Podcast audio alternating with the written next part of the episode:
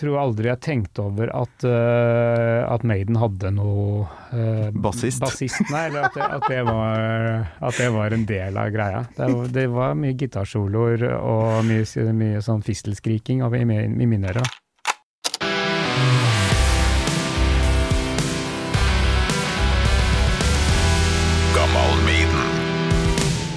Jeg lurte på om det ikke, om det ikke kom til å komme noen telefon snart. Ja, du gjorde det? Litt fornærma har jeg nok vært, men, eh, men det nå, nå, nå, løser det seg. Du syns det drøya litt for lenge? Ja, det er litt lenge. Men da har du hørt på, da?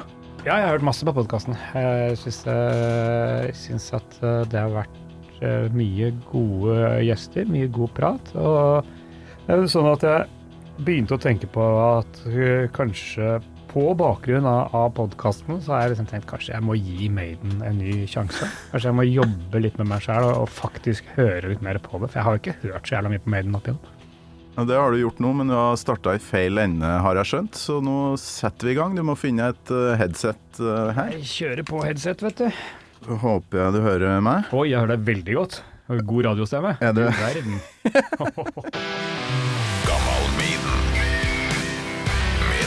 Thorsvik. Nok en gang en stor ære for meg med besøk her i Gammal Maiden. Egil Hegerberg, velkommen. Tusen hjertelig takk. Hvordan går det med deg om dagen? Jo, det går jævla bra. Jeg har opprettholder mitt uh, sinnssykt flate nivå på hvordan jeg har det. Jeg har det, det er flatt, og det er høyt.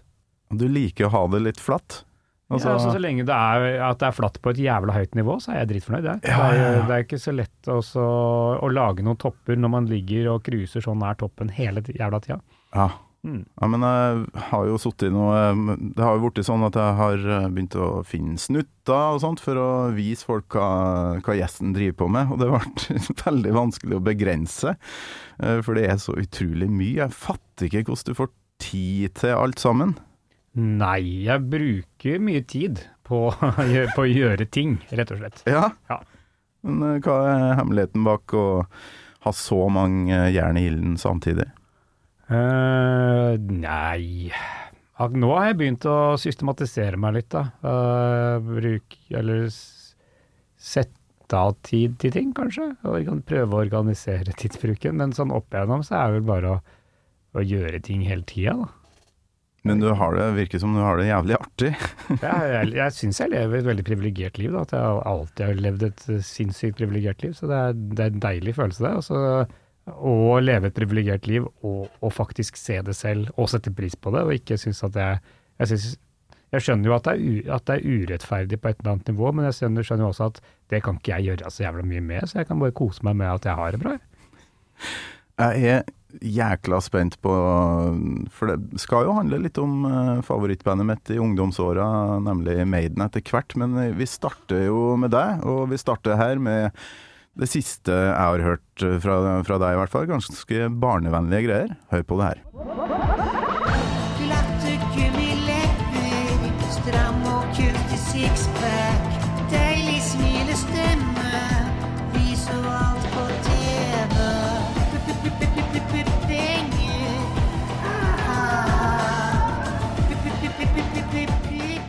Pupper og penger. Hva er det her for noe? Dette her er jo henta fra det nye showet Bare Egil og Aslags enda mer superpopulære barneshow, og den kommende plata som heter Enda mer superpopulære fra Bare Egil og Aslag. Eh, Dette er meg og også min gode venn Aslag fra Black Debate og Hurra Torpedo og diverse andre samarbeidsprosjekter som vi har hatt opp igjennom. Mm. Vi har spilt et barneshow nå i en sånn tiårstid, og nå det siste året Nei, egentlig de siste årene så har vi jobbet med da det enda mer superpopulære som vi nå har nettopp hatt premiere på. Som, eh, som vi er rundt og turnerer med i disse dager og, og kommer med en ny plate med. Så det har vært det har vi egentlig drevet en god del med nå siste året. I koronatiden så har vi vært mye på Zoom og jobba med show. Og så har vi vært på noen hytteturer og spilt inn skive og hatt det jævla fett. Blitt en uh, plate jeg er veldig stolt av. Det her er en kar du kjenner godt. Aslag Guttoms, Guttormsgård? Ja, jeg kjenner han relativt godt. Vi har vel jobba sammen eh, drøye Hva blir det for noe? 30 år? Så det begynner å balle på seg i ganske mange forskjellige band og konstellasjoner. Så jeg har hatt mye moro sammen, altså. Ja visst. Eh, For du Ja, nå, nå begynner jo jeg å regne eh, Altså tidsregninga mi går på album. Det er jo 30 år i morgen, tror jeg, siden Black Album med Metallica. Oh, ja. Um, og Nirvanas Nevermind og sånt. Så uh, da var jo jeg sånn 13 år, og grunchen kom, og så kom jo du òg inn i livet mitt på den tida der. Ja, Ja. litt, litt grann seinere sikkert. For det Ja. eh, Gartnerlosjen var vel det første, Ja, for min del, oppe i Nord-Trøndelag der. Ja, Gartnerlosjen var på en måte det første som eh, For mitt, mitt vedkommende, da. Vi starta vel egentlig kanskje allerede i typ eh, 87, Ja. mens vi gikk på videregående. Og så begynte vi å spille rock i 88. Ja. Og så var, gikk vi gjennom noen personal, eller personellutskiftninger og litt sånn der, noen forskjellige navn og sånn en periode. Så tror vi da eh, landa på Gartnerlosjen igjen med en litt ny besetning i forhold til den 80-talls Gartnerlosjen. Og kom med den første plata i 94. Mm. Mm. Jeg syns jeg husker at vi akkurat hadde fått oss CD-spiller, og den første CD-en til brutter'n var Kremfjes. Godt valg. Det er veldig bra. De låtene her, og diktene ikke minst. Eh, diktene er Lønning der, kanskje? Lars Lønning? Lønning som, står, eh, som er poeten, og det, det har han jo videreført eh, etter Gartnerlosjen med, med dikt. Altså den, den kvinnelige lyrikeren Jorunn Lønning Ja. kan være verdt å sjekke ut for spesielt interesserte. Der, der er det mye, mye lyrisk gull, det vil jeg våge å påstå. Et ganske så lite stykke Svalbard. Svalbard. Jo oftere du sier det, jo bedre låter det. Svalbard.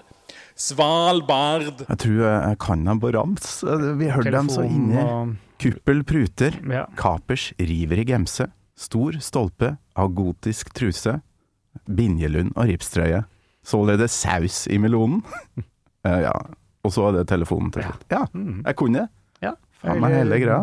Tror det er Pinjelund og ikke Binjelund, men ellers så hørtes det bra ut. Pinjelund, ja. Ok, samme det. Trøndere, vi forstår ingenting. Det jeg lurer på, er jo Du sier videregående. Eh, Hvordan er det mulig å finne eh, så mye folk som tenker så jækla likt som dere må ha gjort på det her eh, tidspunktet? Eh, Det er jo mulig når man, når man blir plassert sammen, så finner man jo hverandre. Og så er det vel i store talls lov, da, at eh, fra tid til annen så, så finner uh, mange likesinnede uh, seg på samme, samme sted. Uh, og det var jo da tilfeldigvis oss. Altså det var jo Kristoffer Schou og jeg gikk i samme klasse. Og så hadde vi Linn Skåber i parallellklassen og Lars Lønning i klassen under. Eh, og egentlig diverse andre folk òg. Så det var en Det var tida, det var en kjede av uh, tilfeldigheter som gjorde at vi kom sammen, og egentlig en kjede av tilfeldigheter som gjorde at vi begynte å jobbe sammen og fant uh, felles interesse. Altså. Det er um, merkelig. Ja, det er veldig rart. Sendte livet i en uh, svært ny retning for de fleste av oss. Det som òg er veldig rart, at det sitter da en liten gjeng oppe i Nord-Trøndelag på et bitte, bitte lite sted og blir truffet av det her på et vis. Hva tenker du om at det, det traff uh, ungdommen da, rundt omkring på, på bygda? Det var jo det var jo en tid hvor uh, dette, var sånn, dette blir jo snakka time opp og time ned om alltid når man snakker om uh, tidlig 90-tall og 80-tall og sånn. Altså man hadde, Mm. man hadde, at man har oppe flaska på en TV-kanal og egentlig en radiokanal, at det var veldig ensretting. Altså det, det var ikke så vanskelig å komme som et alternativ på den tiden på én måte, da. Men uh, samtidig så måtte man jo være litt alternativ for å få det til allikevel. Så det, det var tida var moden. Det kom det, det skjedde en eksplosjon av, av veldig mye på, på samme tid. Og vi, vi ble jo også, selv om vi var en god del eldre enn dere, da, så ble vi jo også veldig truffet av grunchen. Ja. Det, det var liksom Det smalt ordentlig der, selv om, man, eh, selv om man allerede var over de formative årene. Så det var nok en eh, Det var en eh, Vi kom jo som et slags friskt pust etter opprør mot uh, litt sånn selvhøytidelig 80- og 70-tall. Uh, og, og med en sånn eh, re revitalisering av rocken, selv om det var uh, selv om det var litt slurvete gjennomført eh, i starten, kanskje. Så kom jo TV 2 inn i livet vårt, og her er en liten snutt fra 1995 som jeg vi viser litt uh, hvor dere var hen eh, på det her tidspunktet. I, på altså, i, i, i, innenfor atmosfæren så er det nesten ikke noe oksygen igjen. Nei. Og for å gjenoppbygge den oksygenen som nå har blitt borte, Så planter vi en plante. hvorfor det? Jo, det er jo deg som skal svare på det. Ja, men du, du tar jo ordene ut av munnen på meg. Jo, men vet du hvorfor det? For vi har så innmari liten tid igjen. Ja. For dere skravler så mye. Derfor så må vi skynde oss litt her. Altså, hvor- Hvilke kameraer er det på nå? Nå skal vi henvende oss til, til seeren. Det er der, ja. Der. uh, vi skal der. Kan du ta en sang nå, kanskje? Nei, vi har ikke tid, dessverre. Men vi skal prate. Takk for at du minte meg på det. Men eh, da, da syns jeg at dere skal gå Har vi nevnt at, eh, at vi har lagt ved frø ved de nye CD-platene? Nei, det har ikke nevnt det. Dere hadde frø Ja. i CD-en. Det er helt utrolig bra. Det var jeg fulgte med frøposer i den uh, Gartnersen-plata som het Due, ja. Mm. Og så var det en sånn der blomsterkort. Der var en sånn um, ad hoc-løsning, egentlig. Når vi satt og brainstorma hva plata skulle hete, så, så tenkte vi at den skulle, at den skulle hete Duk. Og at eh, coveret skulle være en duk, så, som uh, CD-en da var rulla inn i, eller pakka inn i. altså, Eller bretta inn i, da. Men uh, Audun Tylden, som drev plateselskapet, han mente at uh, vi, vi kunne gjerne ha en litt sånn omfattende idé, men det måtte være tufta på en eller annen standardløsning. Mm. For det å utvikle et eget CD-cover i form av et tøystykke, det ville bli alt altfor kostbart. da. Så isteden så, så kom han med en, eh, en pappeboks som faktisk fantes. Som rett nok var veldig dyr, men det var i hvert fall mulig å, å fremstille mange av uten at, uh, at selskapet skulle gå konkurs. Og da, da endret vi da siste bokstaven i tittelen fra duk til due. Og så fant vi ut at ok, skal vi ha blomsterkort, og der oppi der er det plass til en eh, frøpose. Og det var historien bak det. Men det som overrasker meg her, er jo hvor eh, dere er ganske cocky. da, Går inn i studio, snakker litt sånn programlederen imot, og virker som dere bare var sånn Dere hadde ikke noe respekt for uh, Altså, Nei, etter så mange år med NRK, så var, hadde jo folk den respekten for TV, liksom. Det hadde ikke du. Nei, vi hadde nok en eh, ganske stor mangel på respekt, ja. Rett og slett. Det, og hvor det, hvor det kom fra, det veit jeg ikke. For jeg er jo sånn derre Oppfatter meg sjøl som en sånn konform, lydig fyr. Men eh, det var jeg, jeg, jeg har tydeligvis forandra meg jævlig siden da. Eh, ser du ser nå, nå er jeg jo kjempe Nå svarer jeg på spørsmål og er høflig og sånn. Det, den gangen så var jeg eh, helt, helt rabiat. Nei, herlig tid, og den respektløsheten var vel kanskje det som trigga oss på bygda, som har sittet og sett på de her tørre NRK-folka i alle år. Ja, nei, nei det, det var sikkert noe der, altså. Eh, Jeg har ikke tenkt over eller huska ikke der jeg klippet der så godt. Det var ganske artig. Og så kom jo det er masse greier, da. Det jo, Bare Egil har jo vært med hele veien. Uh, Starta du med det samtidig som Gartnerlosjen, eller? Ja, egentlig ganske parallelt. Gartnerlosjen var liksom et sånt uh, tøyseband vi hadde på videregående, og så, i, så, lagde, så fortsatte Lars og jeg en periode mens Kristoffer gikk på folkehøyskole og sånn, å lage noe, noe musikk. Den musikken som jeg prøvde å lage til Gartnersen jeg, jeg kunne jo egentlig ikke spille noe særlig, så eh, når jeg skulle prøve å lage rock, så blei det alltid veldig visete. Men jeg klarte ikke Gartnersen å bruke til noe. Så jeg endte opp med mye sånn låter som jeg hadde prøvd å lage til Gartnersen, men som ikke passa, og det ble bare Eggeband. da. Ja. Så det er et sånn rest, eh, restopplag av, av det jeg prøvde å lage.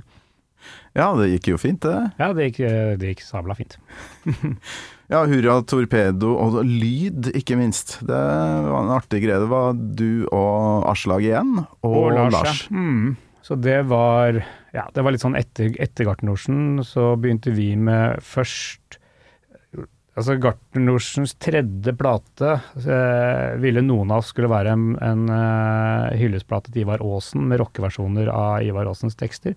Det var ikke alle som var enig i det, så da, eh, da tok vi en liten Gartnerlosjen-pause, hvor eh, det, noen av oss lagde en plate med et band som heter Aasen, mens noen lagde en plate med et band som het Sinsen. Og så ble det egentlig aldri noe mer, mer Gartnerlosjen.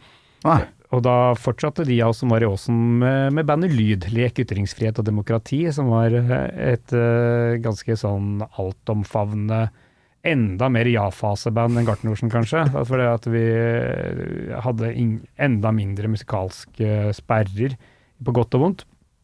Og, og det utviklet seg etter hvert videre da, til Black Debate.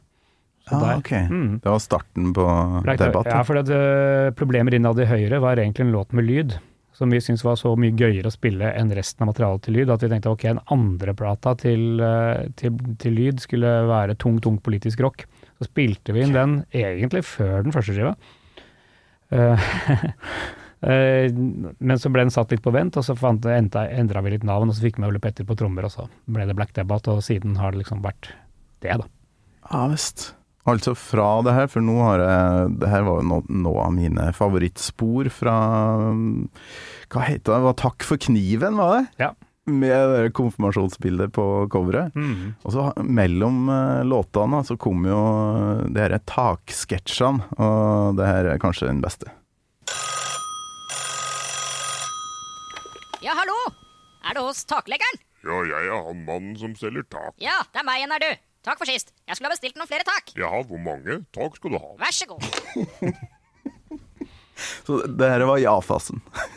Ja, altså akkurat ja til alt. taksketsj, eh, taksketsjene er jo kanskje, til min mening, verdens beste sketsjer.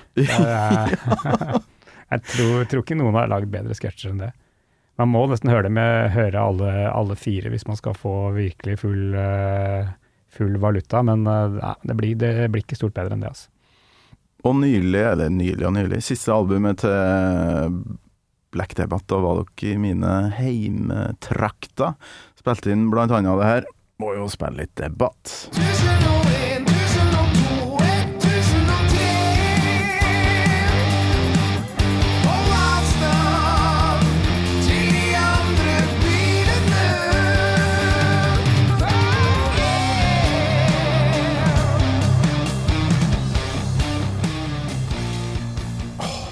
Jeg ser for meg dere står på Åtterøya utafor Namsos og spiller inn her. Eh, Hvordan var det oppe i Nord-Trøndelag, syns du? Ja, vi koste oss glugg i hjel. Bra, bra studio der oppe, altså. Trivelige folk og bra fasiliteter. eh, Så vi, jeg husker ikke hvor lenge vi var der. En eh, drøy, drøy uke, kanskje. Mm. Det var veldig stas.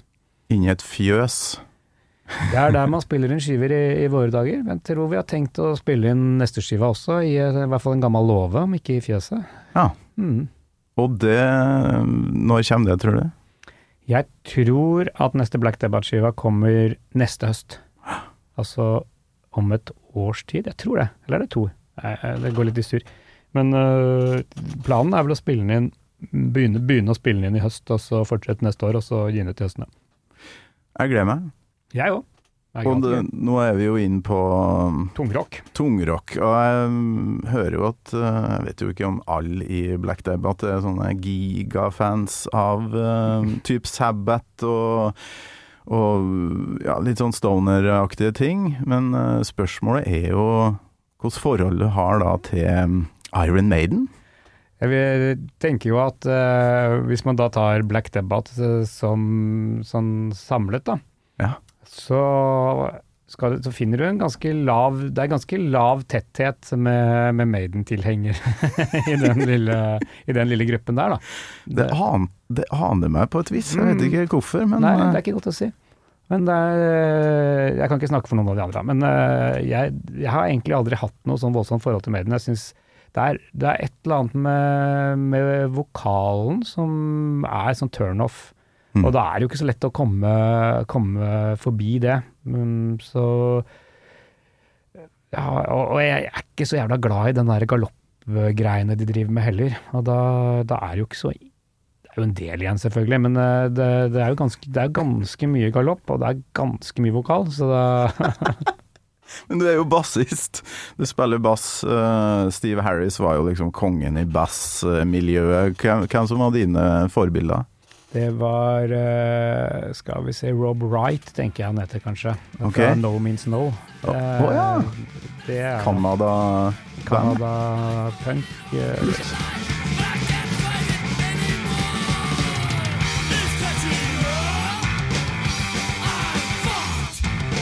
Det var absolutt det kuleste innen bassing i mitt hue, da. Ja visst. Vi varma opp for dem i Lillehammer en gang. Wow, på Felix. Ja. Ja. Råbra gjeng. Ja, det er helt sinnssykt fett. Jeg har sett dem live en god del ganger, og det var helt rått. Mm. Helt nydelig. Men det er jo um, Ja, så Steve Harris eh, var du ikke noe imponert over, da. Aldri Jeg tror aldri jeg tenkte over at, uh, at Maiden hadde noe uh, Bassist. Nei, eller at det, at, det var, at det var en del av greia. Det var, det var mye gitarsoloer og mye, mye sånn fistelskriking i, i mine ører. da. Ja, ja, ja. Bassist, bassen registrerte jeg ikke noe særlig. Men det her er jækla interessant og artig. Jeg elsker å ha gjester som uh, ikke er helt uh, der, da. Det blir kjedelig med bare folk som uh, er like gamle som meg og digger akkurat det samme. Ja, Det er selvfølgelig veldig hyggelig også. At man er enig om ting, og, og at man kan sitte og kose seg og mimre. Men eh, jeg, har jo, jeg har jo rett og slett ikke hørt så, så dødsmye Maiden, da. Det har jeg ikke. Det er, det er liksom, fra gammelt av så likte jeg veldig godt uh, run, run, Rønsen. Er det en Rønsen to the Hills? Rønsen to the hills. Ja. Arild Rønsen. Ja.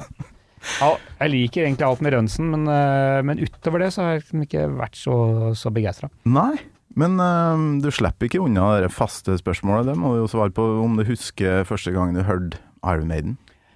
Ikke egentlig, men jeg husker første gang jeg hørte om dem. For de, det var i forbindelse med at de, de varma opp for Kiss i Drammenshallen Ja. i 80. Mm. Og den konserten uh, hadde jeg veldig lyst til å gå på. Men, uh, og jeg var veldig sur for at jeg ikke fikk lov til det av mamma og pappa. Men i og med at jeg var ti år gammel, så er jo ikke det Det, var, det gikk raskt over. Det Mm. var ikke sånn eh, det, det var jo gode grunner til at jeg ikke sende, sende guttungen til Drammen aleine som tiåring. Men, men, men da, da hørte jeg jo om det, men jeg kan ikke huske at jeg hørte noe Maiden i den forbindelse. Det var litt sånn der tilfeldig hva man hørte av musikk akkurat i, den alderen der. Så skal vi se Nei, jeg er usikker, ass. Vet, vet ikke når jeg hørte dem første gang. Men hva slags eh, ja, kjente klassiske metal- eller rockeband var du liksom fan av da du var pjokk? Når jeg var skikkelig pjokk, pjokk så var det Av de kjente klassiske tungrockbanda, var Uriah Heap som var uh, den som nådde mest gjennom uh, til Bøhler på 70-tallet, når jeg var liksom åtte. Mm.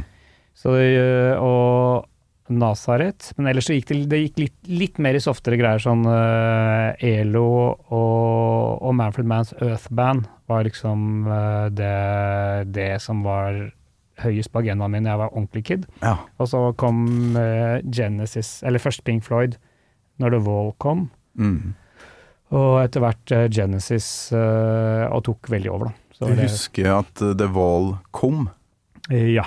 Oh. Jeg hadde den på kassett. Og jeg var og så da filmen på Colosseum da jeg var tolv. ja. Da når den kom, da. Det var jo helt vilt fett.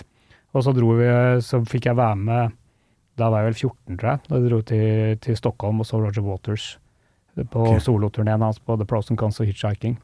Som jo er, fortsatt er liksom den største konsertopplevelsen jeg har hatt. da. Mm. Selv om jeg har hatt noen store etterpå som sikkert kanskje jeg ville likt bedre nå i dag. eh, Men, eh, men som opplevelse der og da, så var det helt vilt.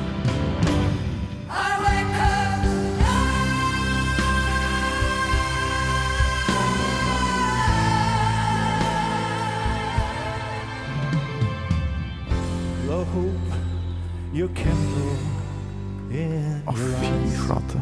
Men når du da starter opp med musikk sjøl, du er stor fan av prog, eh, Genesis, Pink Floyd.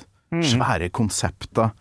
Uh, Tenkte du noen gang at du kunne ha tenkt deg å være med i et sånn band? Eh, og ikke Gartner Losjen, bare Egil. eh. Nei, for at, øh, det, det der prog-greiene, det var jo sånn jeg hørte på uh, fra jeg var ganske liten og egentlig fram til videregående. Så skjedde litt sånn uh, skifte pre-grunchen, at det gikk plutselig ble mye mer opptatt av, uh, av enklere rock. Mm. Bare en slags back to altså Vi begynte å høre, hørte mye på Rainmakers når jeg gikk på videregående, som var øh, jo mer enkelrock. og, og det, den stilen. Etter hvert så kommer Pixies og Dinosaur Junior og sånn. Men hva med Dere heter jo Black Debate. Hva med da Sabbat. Sabbath og, og de, de bandene der? Jeg hørte ikke så mye, jeg hørte faktisk ikke så jævla mye på Sabbath før, før vi starta Black Debate. Okay. Hadde litt å ta igjen der. Men vi hørte jo mye på, på altså sånn type Kaius og, og, og ikke minst Soundgarden var jo Ja. var et av de et av de bandene som jeg virkelig som virkelig digga i grunchen, og Mm. som har stått seg bra etter, etterkant, syns jeg. Så øh, hoppa litt over inspirasjonskildene sånn i første omgang. Hørte ikke noe særlig på Zeppelin heller, sånn i ungdommen. Jeg visste, ikke helt, visste vel egentlig ikke om dem. Jeg gikk meg mer Nazaret og Uriah Heap, for å si det sånn. Det er så bra at uh, For jeg har samme opplevelse. Jeg visste ikke at det eksisterte før uh, begynner å nærme meg som voksen alder. Det, Det var litt, man, man var jo litt mer prisgitt tilfeldighetene når det gjaldt hva man hørte av musikk i, i vår oppvekst. Altså, det var jo å gå innom platebutikkene en gang i uka og bla igjennom og se om det var kommet en ny David Bowie-plate siden sist. Ikke så mye at han hadde kommet ut med en ny en, men at de hadde fått inn en eller annen gammel som de ikke hadde. Jeg, jeg skjønte aldri det at man kunne gå og snakke med personalet og så høre om de, om de, om de kunne bestille opp skiver da, som, de ikke hadde, som de ikke fysisk hadde i, i hyllene. Jeg trodde alltid at man bare at det, man var helt prisgitt til det som var i hylla til enhver tid. Det er litt interessant. Så det var, det var eh, det altså da få høre om Led Zeppelin, da var man, man avhengig av å ha noen eldre, noen eldre som kunne tipse en. mm. Og det, det var den andre, det andre man ble tipsa om. Motorhead og ACDC var jo også forresten Det, det hørte jeg på. Ja. ja. Det er viktige band for ganske mange som Ja, holder på med Særlig musikk. Dirty Deeds, den Dirt Sheep-skiva til, til ACDC, den fikk vi inn ganske tidlig. Ja. Ja. Så den er liksom inngravert. Greit album, det. Jeg syns det, det står seg fortsatt som det kuleste, syns jeg. I'm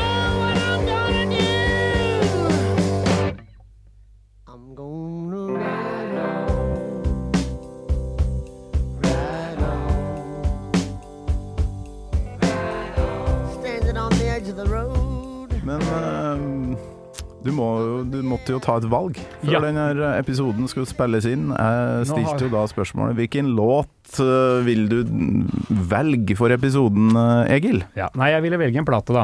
Eh, Jeg syns det ble litt snevert å så bare ha, ha ei, ei låt. For som sagt, så, i og med at jeg er blitt så glad i det, nettopp denne podkasten, så hadde jeg jo allerede tenkt på det, at jeg, at jeg må sette meg litt mer inn i Maiden for å gjøre meg opp en selvstendig mening. Så, så da gikk jeg for, eh, for ei skive, og den ble jeg jo så glad i umiddelbart at jeg gjerne ville, jeg gjerne ville dekke hele. Ja. Mm. Og hvilken, eh, hvilket album er det? Power Slave, sikkert. Nei, det er jo da så Hva skal vi se hva det heter igjen? Det heter Virtual Eleven. Ja. Det Stemmer det. Mm, jeg begynte Sendt meg melding om det, ja. Jeg tenkte at vi, vi begynner der, tenkte jeg. Så får vi, så får vi se om, om vi trenger å gå noe videre. Det trengte ikke det, for der var, der var det mye, mye å snakke om, syns jeg. Ok, men det, det er så bra, for hvis Nå har jeg ikke gjort det ennå, men hvis jeg skulle ha laga ei liste over uh, mine favoritt-Maiden-album, Ja. så vet jeg at det albumet hadde havna helt nederst. Det er aller nederst, altså. Ja, faktisk. Ja. Um, jeg takler ikke uh, vokalen til Blaze der, men um, vi setter oss i, i stemning her. Vi hører på åpninga, albumåpninga, rett og slett.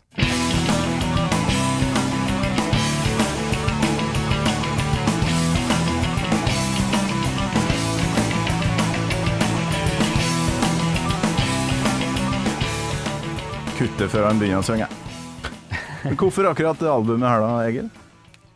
Jeg tenkte at det, var, at det kunne være lurt når man da starter litt på bar bakke, og komme inn med noe som kanskje ikke så mange andre eh, vil eh, velge, sånn at man får, får inn også får inn andre sider av, av Maiden. Da.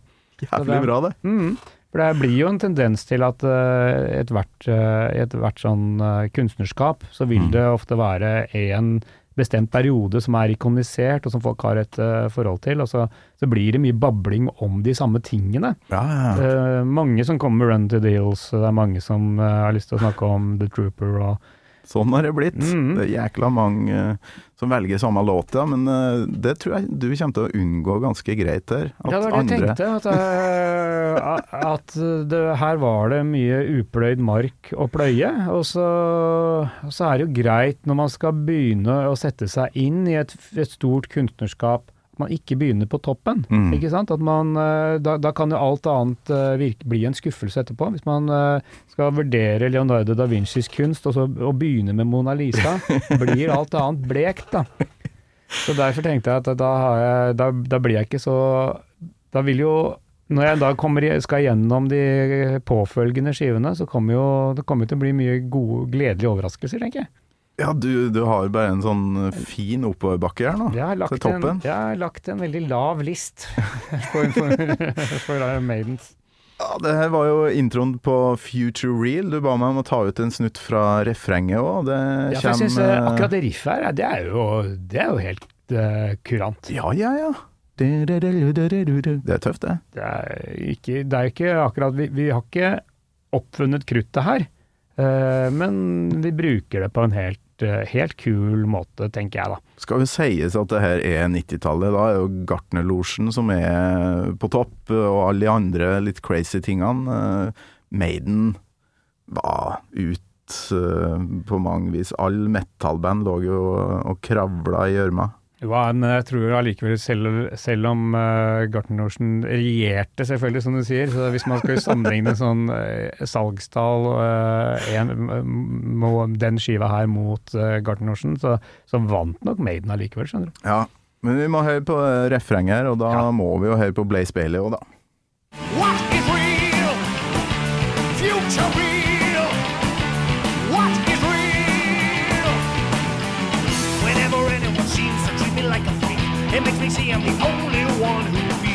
Ja. Hvorfor eh, ville du høre refrenget? Altså, dette er åpningslåta.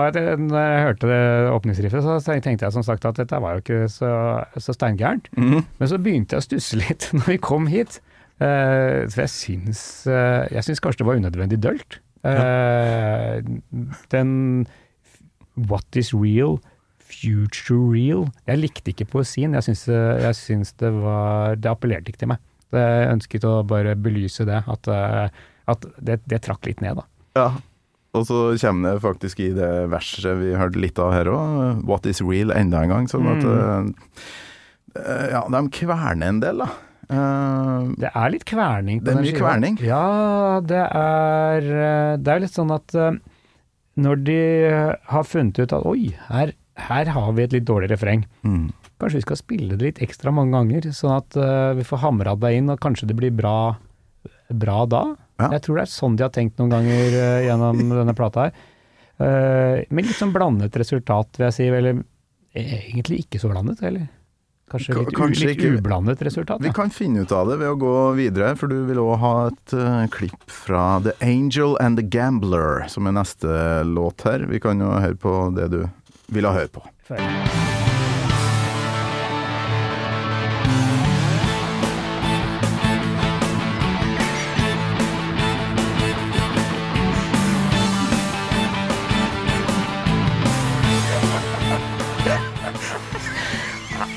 Hva er det du reagerer på her? Altså, det er ganske Det er plenty med ting å reagere på her, altså. Eh, Dette er vel låt, låt nummer to, da, og da hadde, vi, jo- da hadde det jo begynt med et litt sånn Et helt greit riff, syns jeg, og så, og så ble det Så ble det jo nokså dølt med, med syngingen, og, og særlig refrenget. Og så kommer da, da låt nummer to, og når vi da kicker inn der da er det, det er det første hint av litt skolerock, syns jeg. I, i, det, er noe, det er altså så tøntig og traurig, det uh, gruvet der. Men det som er helt krise, er jo synten. Det er så Den lyden og spillinga der er, det, det, er, det er veldig slett håndverk, rett og slett. Tenker på den der veldig spisse, diskante lyden som eh, vrenger seg på her. Ja. Jeg tenker litt på den, altså. Det er, den, den, øh, det er litt vanskelig å ikke tenke på den i den, øh, den sammenheng. Men øh, Det her er jo også den låta hvor de da i, først, først, for første gang på plata prøver å, å rett og slett kompensere for et uh, elendig refreng ved å gjenta det ekstremt mange ganger. Ja, jeg har klipp av det òg, egentlig. Jeg har satt sammen to klipp. Det er opprinnelig nesten ett og et halvt minutt imellom de to klippene som jeg har krøssklippa her, for Ok. det, og det gjentar seg. Du trenger jo ikke gjøre det lengre enn, enn det faktisk er for å vise hvor langt det er. Det, Jeg har klippet det ned for okay. å, ned, så, vi, ja, så vi slipper å holde på Ja. så lenge. Så det er 20 sekunder med, med refreng.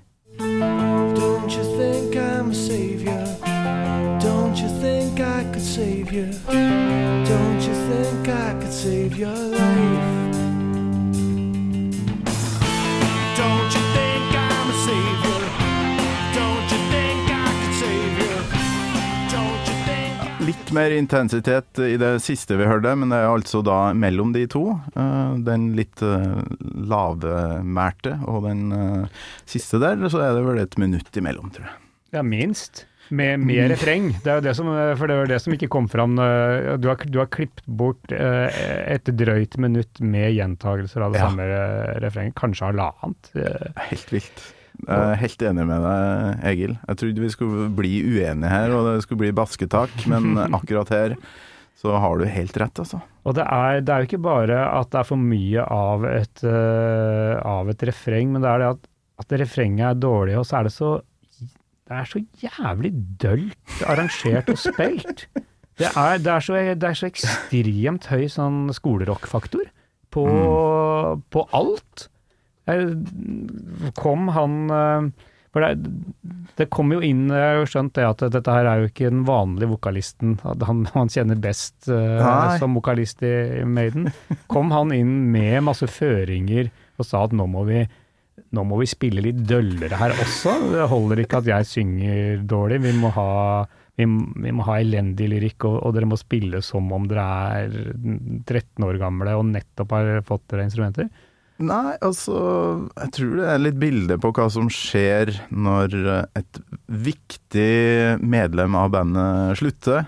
eh, som er såpass viktig for energien i alt, egentlig. Både Men burde de ikke på en måte Burde de ikke tenkt at når vi har mistet han, så må vi skjerpe oss litt ekstra med låtskriving, og vi må i hvert fall spille, prøve å spille bra. Kanskje vi burde hatt en produsent som kunne hjulpet oss litt, eller jeg vet ikke hva faen det var, Jo, men det syns jeg høres på X-Factor, som er nest nederst på lista mi.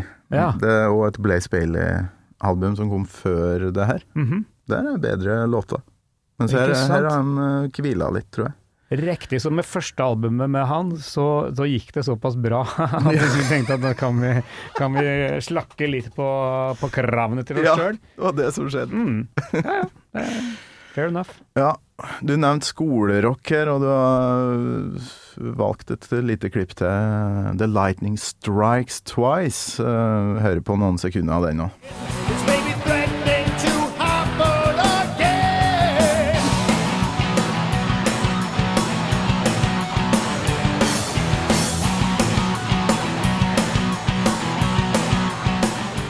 Vet du hva Vet du hva jeg syns det hørtes ut som da? Nå, det, det hørtes egentlig litt ut som et Det kunne vært et liveopptak av Gartnerlosjen fra sånn type 92. Det hørtes ut som.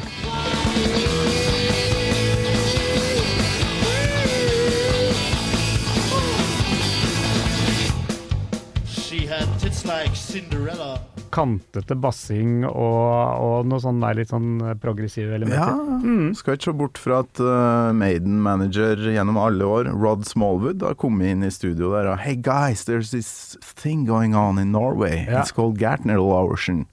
Ikke sant? Det, Så det, hopper han bare på. det er veldig Det høres litt usannsynlig ut, men eh, det kan absolutt ha skjedd. Det jeg reagerer mest på, hvis jeg skal få smette inn Ja. eh, noe her, er For jeg tror han er britisk, eh, i hvert fall engelskspråklig, Blaze Bailey, men jeg skjønner ikke Han artikulerer seg veldig dårlig. Ja. Eh, Sånn tekstformidling, der Bruce Dickinson er the master opp igjennom da, altså han, historiefortellingene Han, han syns jeg er til tider episk. Eh, Blaze Bailey snøvler litt, og det er vanskelig å få, få høre teksten. Ja, er han, noe altså, Er det han som skriver tekstene sjøl, tror du? Eller er det sånn teamwork, eller hvordan Jeg eh, tror Steve Harris har skrevet mye av det her. Ja. Ja. For han skriver tekster. Ja, skriver han tekstene for Bruce også, eller? Ja, ofte. Ja. Veldig ofte.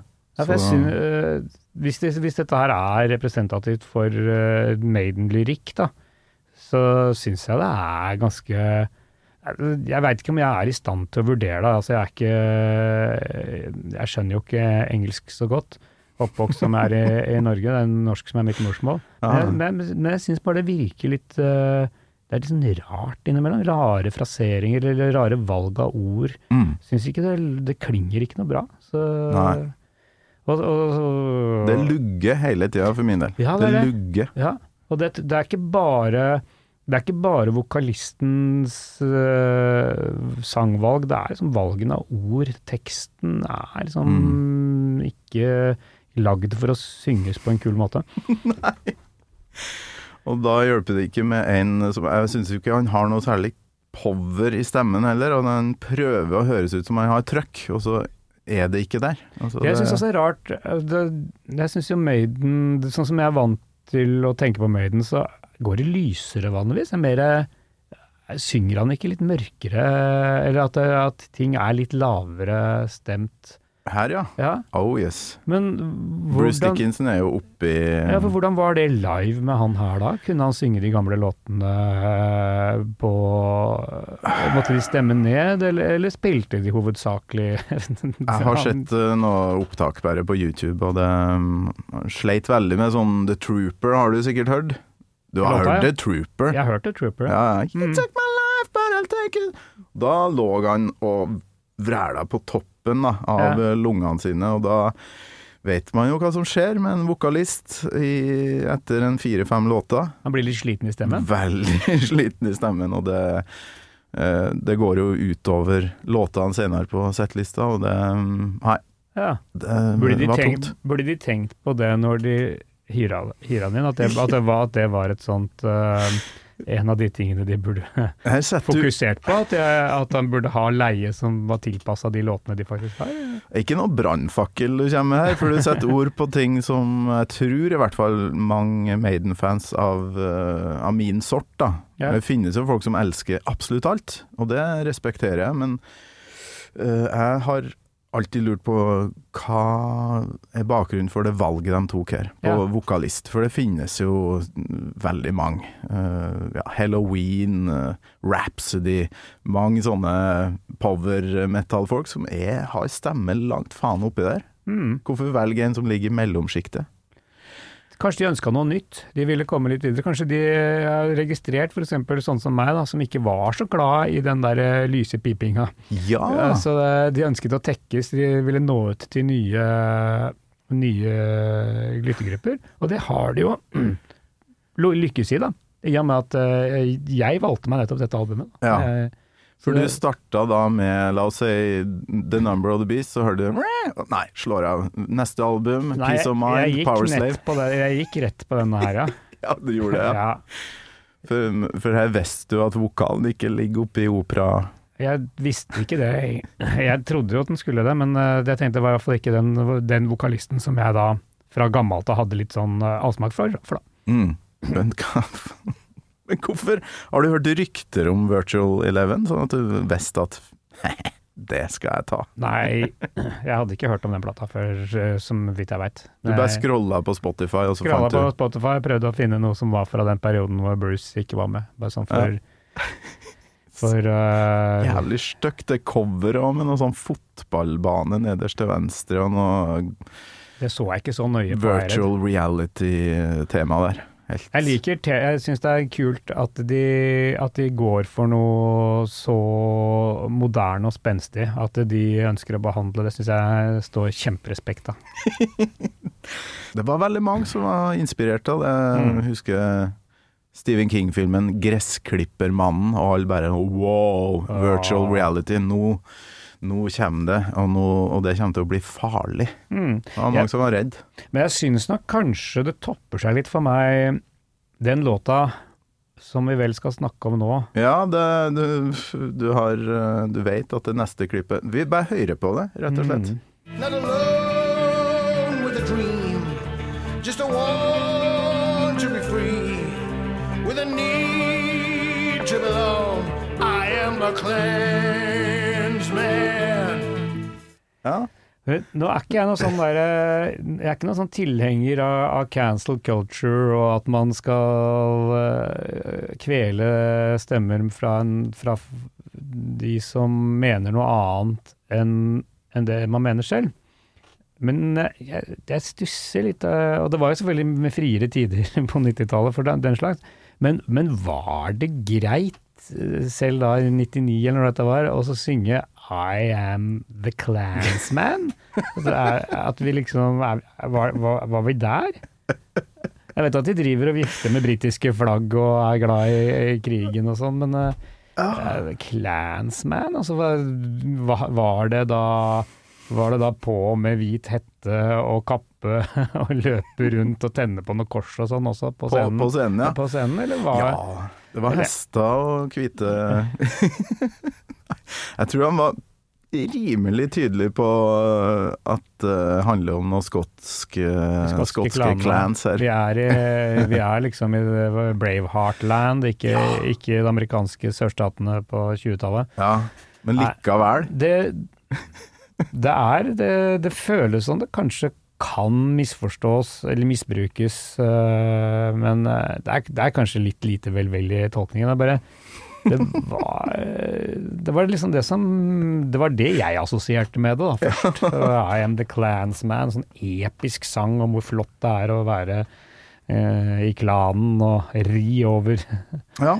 Ri over, øh, hva heter det for noe, prærien. Nei. Eh, ja, hvis man tolker den, hele den teksten her i lys av eh, Ku Klux Klan, mm. ja, får man sikkert en jævlig Jeg må innrømme at jeg bra dimensjon. Jeg, jeg leste jo ikke teksten og satte meg inn i, i, i hva han faktisk hadde å si, og det kan hende øh, at det er øh, en veldig øh, hva skal man si, en, altså en, en tolkning som, er, som ikke er relevant i det hele tatt, da, hvis man ser det i sammenheng. Så Men nå er det mye agg her. Nå må vi inn på noe positivt. Eh, Vi hører på et, aner ikke om jeg har funnet riktig snutt her, altså, men uh, The høre. Educated Fool. ja. I'm an educated fool. So I don't know what it is I'm supposed to do about this awkward situation that's been forced right upon me. Hva var greia med den? Nei, altså, her var det, her var det et eller annet sånn melodisk, uh, rytmisk og sånn, som, som jeg ikke syns var så gærent. Jeg, jeg, syns det var uh, Jeg syns det var litt grann øh, ålreit musikk øh, Ja. i den her. Da. En slags pust av noe som i hvert fall ligna på noe jeg kunne like. Altså, det, det som jeg syns var litt morsomt, var at, at det minna meg, meg litt om Marillion. Og det er, Marillion er ikke, det er ikke go to-bandet eh, nå, men eh, det var en sånn periode da jeg var uh, eh, tenåring hvor jeg hørte veldig mye på Marillion. Så Ja, for det, du er jo, ja, var i hvert fall veldig glad i prog, og Ja. Marillion er vel ganske Ja, så det Grunnen til at jeg begynte å høre på Marillion, det var jo at Jan Friis i det nye anmeldte førsteskiva sa at det var veldig likt Genesis anno Selling England by the Pound-perioden. såpass, ja. Og da kjøpte jeg det, og det syns jeg var en fair sammenligning, og syns det var helt topp. Jeg kunne tenkt meg mm, egentlig at du hadde satt deg ned med favorittalbumet mitt, da. Hvilket- Power Slave. Mhm. Og bare Ja, bare hørte på det som om det var første gangen. Uh, kunne vi gjort en annen k- kveld. Ja, ja, ja. Dobbel episode, vet du. Mm. Ja, jeg begynner å liksom Jeg se for meg det. Jeg må jo høre igjennom eh, Jeg jeg må jo bygge meg opp, da. Høre igjennom først av den eh, Hva er det den heter for noe, den eh, The X- X-Factor. X-Factor, ja. Ja. Jeg liker det. eh, oh, ja, for det er The X-Factor, det er det tiende albumet, og Virtual Eleven, det er det ellevte albumet, da. Ja, ja, ja. Og hvilket album tror du Seventh Son of a Seventh Son var? Jeg tror at det var eh, det sjuende, men hva, hva het det tolvte albumet, da? Var det det første hvor Bruce var, igjen, var med igjen? Het det et eller annet med Det tolvte, ja? Nei, det, Det da hadde de slutta med Dis. Disciples of Rock and Roll. The Crew. Brave New World, Ja, basert på basert Basert, Huxley. Ja, men også basert på at nå vender, eh, Ja, vender oh yes. tilbake. Ja, ja, ja. Men eh, Nei, The Educated Fool uh, syns jeg jo har, som du sier, melodi. Og, Mm. og det er jo det Det var ganske døvt refreng der òg. Ja ja.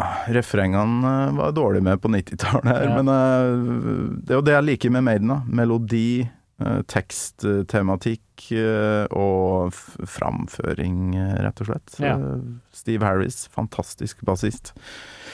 Bra, mye bra trommer, mye kule gitarsoloer. Nei, jeg liker hele pakka. mye- ganske mye dårlige trommer uh, på den skiva her. På det her, ja. Det er, ja, eh, ganske mye dårlig Det er ganske mye dårlig spilling, Mm. og det er dårlig miks.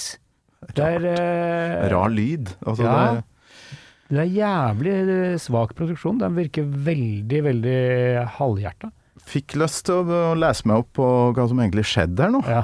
Det, det skal jeg faktisk gjøre. Vi må høre det siste klippet her nå, før vi kan snakke om noe annet. Jeg kjenner at jeg har lyst Ja. til å snakke om noe annet enn Neil Virtual Young. Eleven. Men nå, ja, siste klippet du har ønska deg, Egil. Is it the first time you've ever felt the scared? Feel the adrenaline pump. Your heart begins to race.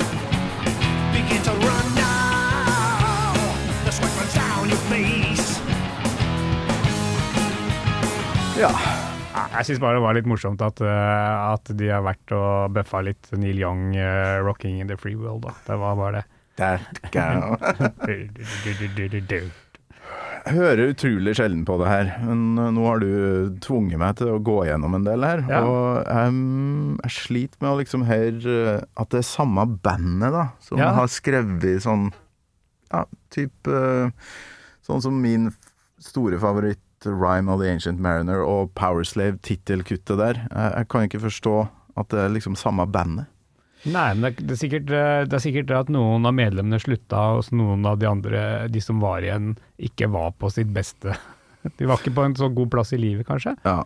Men Nei, uh, de ikke. to som er ute her, Bruce Dickinson og Adrian Smith, uh, god, Akkurat, så bra Adrian gitarist. Smith var også ute, ja. Ja, ja. Han, han, lager, han, han lager en del av låtene, gjør han ikke? Ja, han uh, skrev masse bra på 80-tallet, og i senere tid. Mm.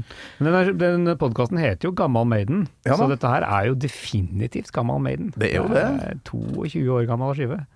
Ja, det er før uh, millenniumsskiftet, Ikke sant? ja. Stemmer Så det. det er midt i, det er midt i målgruppen for, for podkasten. Det jeg må si, da Jeg jeg blir jo varm om hjertet. Jeg har jo sittet oppe i Kolvereid, Nord-Trøndelag, digga Gartnerlosjen og det meste du har holdt på med opp igjennom. Og så eh, syns jeg det er litt digg å tenke på at du har hørt på podkasten min, jeg. Syns Ja, ja. det er Og særlig med tanke på at du ikke liker Iron Maiden, for det blir jo en del Maiden-prat innimellom. Det er jo det, det er klart det er store bolker med uinteressant snikksnakk om noe gammel eh, drittmetal, men eh, det, er, det er mye fint òg. Du har jo hatt en serie med, med jævlig gode gjester. Jeg må jo bare anbefale folk som ikke har hørt eh, så mye på dette før, så gå inn og sjekke ut tidligere episoder med ikke minst Karin Bakås og Pelle og Nei, det er en fryd. Det er jo så mye, Ja. mye bedre historier enn en det jeg har kommet opp med. Men det jeg elsker at øh, folk anbefaler andre gjester som jeg ikke kjenner, og så dukker det opp folk uh, For podkaster ellers syns jeg bærer preg av at det er nettverket til programlederen. Eh, Men her har jeg virkelig prøvd å gå litt utafor det, da. Ja, Det har virkelig bydd på store, veldig fine opplevelser. Ja, det, det vil jeg si, altså. Det er sjelden eh, Ja, for det, det er jo veldig mange podkaster hvor ikke bare er nettverket til eh, programlederen, men, men det er jo veldig fort at man går i, i de samme eh, Altså disse podkastene har mange gjester som går på sirkulasjon, da. Ja. Jeg er jo kanskje sjøl en av dem. Men Jo, du har vært overalt, du. Jeg har vært i mange podkaster. Det, er ma- Ja. det er mange podkaster jeg ikke har vært i òg. Forhåpentligvis. Ja visst, massevis. Men det er klart mye av det er sånn spesialisert på, på f.eks. Altså, det kan være krydderdyrking som ikke jeg har Som er enda mindre å si om enn Maiden. da. Mm. Uh, men, men det er klart, det er, eh, det er, det er jævlig mange podkaster jeg ikke har vært Jeg er ikke sur for det, men jeg mener eh, litt sånn eh, Det stikker litt. da. Men spørsmålet er jo et godt eksempel på overraskelser for min del. Har du hørt episoden med Stian Karstensen? Jeg har faktisk det. Trekkspill, eh, og ja, han spiller jo alt av instrumenter. Mm. Jeg syns vi skal høre et, et lite eh, ja, En reprise av et klipp fra Karstensen sin episode, der han snakker om deg, faktisk. Altså Min favorittlåt som jeg kan anbefale til alle, er å høre Egil synge 'Flesk og duppe' på TV2 Frokost-TV. Det er noe av det, det var det beste jeg har hørt. Det, var noe jeg hørte på da jeg var på det mørkeste. Og det, det var det eneste jeg lo av, faktisk. da Som, eh, 'Flesk og duppe' med bare Egil. En av tingene er klar å et, det er flesk og duppe. Og potet og kålrot og kjenning og græt og kålrot Beste programlederen som kommer inn her nå. og kapus og Tusen, tusen takk, Jo, takk, eh, bare Egil. Eh, Var det hvordan var den situasjonen? Å sitte der med Virka ikke som hun var skjønt helt hva hun hadde på besøk der. Nei, altså Det morsomme er at jeg hadde jo, jeg hadde jo glemt ja, at jeg hadde vært der med flesk og duppe fram til Stian dro fram dette her klippet, så jeg var jo innom og titta på det igjen. Men eh, jeg husker jo jeg, måtte, jeg tok jo en litt jeg tok jo en litt moderat versjon. Den var jo bare et par minutter lang. Ja. Ikke, ikke sånn 10-12 minutter som kanskje kan være innimellom live. Ja. Så jeg, jeg følte jo at jeg, tok, eh, at jeg tok veldig hensyn nettopp til programlederen, eh, men ja. virka kanskje litt, grann, eh, litt lettere nervøs for når, når dette skulle være ferdig. Ja. Men det, som du hører sikkert da i episoden, så har jo Stian, som veldig mange andre, hatt en skikkelig mørk periode. Og bare Egil, eller du, da, var en del av liksom hans eh, ja, øh, Nei, det er, det er medisin. Største, største, største komplimentet jeg har fått, omtrent. Altså, jeg har jo prata med, med Stian om det også. Han har fortalt at, at det, på, når det var på det mørkeste, og når han virkelig var helt eh, superdeprimert, at det eneste han lo av var nettopp dette ene lille klippet med flask og duppe fra, fra frokost-TV. Er jo, er jo fantastisk. Det er, for man får jo ikke større hyllest enn sånn så. Også fra en så ekstremt eh, dyktig eh, fyr. Det er jo litt, det, det er jo litt sånn komisk for meg, for jeg oppfatter meg jo selv som kanskje litt, litt mindre eh, virtuos. Eh, det er jo litt, eh, litt lett røtent, en del av det jeg driver med, og det er ganske gøy at det appellerer til en som er så jævla god. Det er flere og flere som snakker om det her nå for tida, at de har sånne mørke perioder i livet sitt. Kanskje særlig kunstnere, da. Som eh, er litt sånn opp og ned, sånn berg-og-dal-bane. Hvordan eh, ligger du der? Er du, har du Nei, boret jeg- nede i kjelleren? Jeg, som jeg sa vel tidlig, så ligger jeg på et flatt, veldig høyt nivå, da.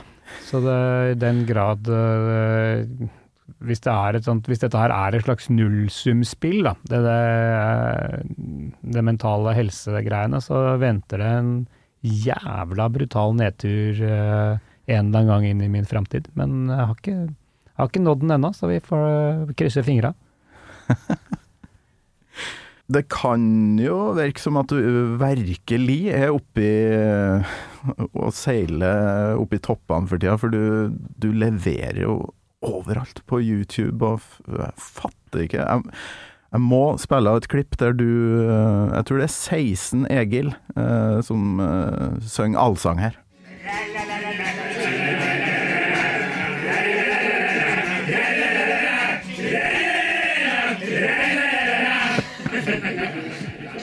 være å synge Du har lært deg å legge flere videoklipp oppå hverandre, gitt.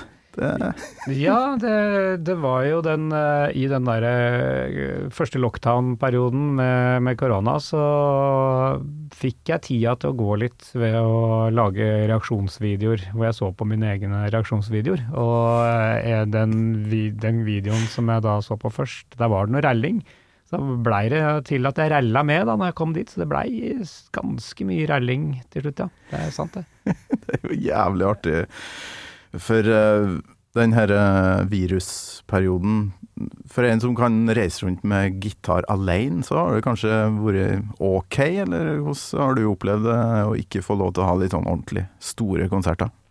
Uh, litt både òg. Jeg syns det, var- det var jævla deilig å sette ned tempo, sette ned tempo eh, en del. Mm. For jeg har jo reist jævla mye rundt i mange år. Jobba forbanna mye. Så det, det å gå mye mer på kontoret og sitte og se på seg sjæl på video og lære seg å klippe sammen det og sånn, jeg syns det var ganske gøy. Men sånn i lengden så blir man jo litt eh, sprø av å Mm. ikke treffe folk og ikke spille for folk og sånn. Så i, i fjor sommer så fikk jeg spilt en del. Lettere, som du sier, så er det lettere for meg enn for mange andre å, å komme meg rundt. Mm. Litt mindre produksjon og eh, færre som kan smittes, og færre som kan smitte andre òg, i det hele tatt. Mm. Uh, og det å spille barneshow har også vært eh, mer åpent for både i fjor sommer og, og i år. Men det er klart, nå i vinter så var det jævla stille, da. Det jeg lurer på nå, har du vært i, i Råde ennå? Ja. Du har det, og fremført det her, for nå Den her kom nå nylig, da. Bobilbygda Råde Har bobiler i fleng Bobilbygda Råde En bobilselgende gjeng Bobilbygda Råde Hvordan ble den mottatt? Ja, den ble veldig godt mottatt. Mot, mottatt. Og den, eh, den, var jeg, den er jeg kjempefornøyd med sjøl. Den, Ja. den eh, er selvfølgelig helt ut- 100 innholdsløs, eh, basert på det at det er tre utsalgssteder for eh, bobiler i, i Rådet, som da har samlet seg på en nett, nettportal som heter Bobilbygda Rådet.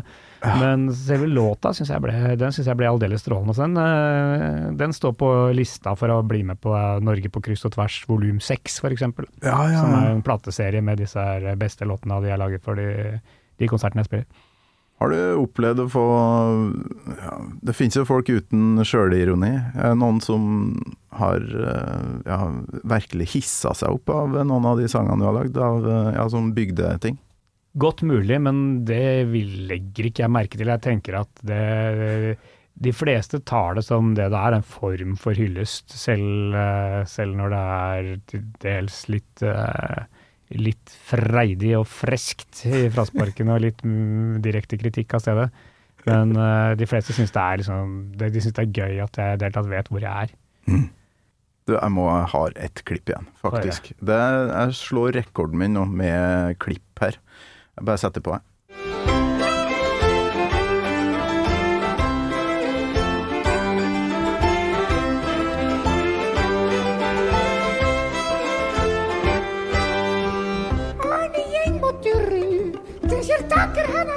Tusen ganger fra før er så mange kledd i svart.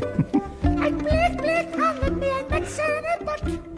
Det her så jeg Jeg tror jeg akkurat hadde lagt unge minsten. Eh, lå med han på brøstet og så det på mobilen. Det er jo det som er fett med korona. Altså Vi kan gå på konsert mens vi legger ungene. Ja, det er fantastisk, og ikke noe som helst mindreverdig konsertopplevelse å se det på en mobil eh, med med et sovende barn på brystet. Men spille, bare Egil Spellemannslag får du òg tid til. Det her er jo et A-lag av eh, mennesker. Det kan man vel eh, trygt si, ja. Det er, det er jo Odd Norstoga på trekkspill og Tuva Erik fra Valkyrien på, på fele og Roar Kallestad på, på, på gitar og Gjermund Silseth på bass. Så det er jo helt sinnssykt gode musikere som da spi- spiller da slags gammeldans eller folkemusikkversjon av mine låter. da. Mm. Så det var jævla, jævla stas. Vi gjorde, det- vi gjorde det før koronaen, og så gjorde vi en sånn strømmekonsert på, fra Riksscenen under, ja, tidlig i første lockdown. Som ble og vist, er vist på TV en god del ganger, og, og er veldig, fått veldig mye god respons på det, med, med rette. For det er jo et sabla fine ø, versjoner. Egil Hegerberg, jeg håper jeg har klart i over en time nå å unngå å vise at jeg er jækla stor fan av alt du holder på med. Ja, det håper jeg også. Håper ikke det, for det, det, da blir det, det vil jo framstå litt sånn kleint for lytterne. Hvis det Så det får vi bare håpe at du har klart å, klart å unngå det, altså. Ja, og så håper, jeg, så håper jeg at ingen har fått med seg at jeg er veldig glad i denne podkasten. Og at jeg da, det, er, det er derfor jeg stilte opp, til tross for at jeg ikke kan fordra Maiden. Ja, jeg er beæret over at du stilte opp. Eh, kan du til slutt prøve å si noe som helst positivt om Iron Maiden? Jeg syns Bruce Dickinson virker som en helt kickass fyr, da. Det jo helt eh, sinnssykt uh, fet fyr. Altså det med, med å ta seg flylappen og fly folk med jumbo til konsertene. Det er, det er så kult at det, det, trumfer, alt av at musikken er døll. Tror du han kunne gått ja, godt overens da, på, hvis dere møttes uh, backstage? To kærer med tusen jern i ilden og Nei, det tror jeg har blitt koselig. Du og Bruce. Jeg tror det hadde blitt litt uh, Det tror jeg hadde blitt halvkleint, men uh, det So kan godt være. Det, det, han, virker som en, virker som en jævla likandes kar, da, men det er klart det, Jeg er jo ikke Nei, de, de, jeg er ikke så god til å prate med folk. Jeg tror ja, jeg, jeg er jo ikke så jævla interessert i hva Small talk, eh. smalltalk er, der er jeg ganske ræv, så det Så hvis du står uh, ja, backstage, en lunken uh, pils, og, um, og så spør Bruce So what do you think about my vocals, Egil? Hva svarer du da? Not very, not very good. Nei, eh, det, you're technically a very uh, good uh, singer, but it's not to my taste. I'd ra- uh, and by the way, I'd rather talk about what I do. Uh, do you know my reacting to things, serious perhaps, or uh, maybe you want to know about Black Debbath, the band I play bass in? Uh, no? Okay, well, I can tell you bit of other things that I do know. Okay. Well, I'll just go back here and with my uh, lukewarm beer, and you can stand over there and do your things. Could you try to sing more like Lars Lenning, please? Yeah, that, that would be nice. Egil Hegerberg, tusen hjertelig takk for uh, besøket. Det har vært utrolig hyggelig. Selv takk. Kjempehyggelig. Gammal Maiden med Torkel Thorsvik, en podkast fra Radio Rock.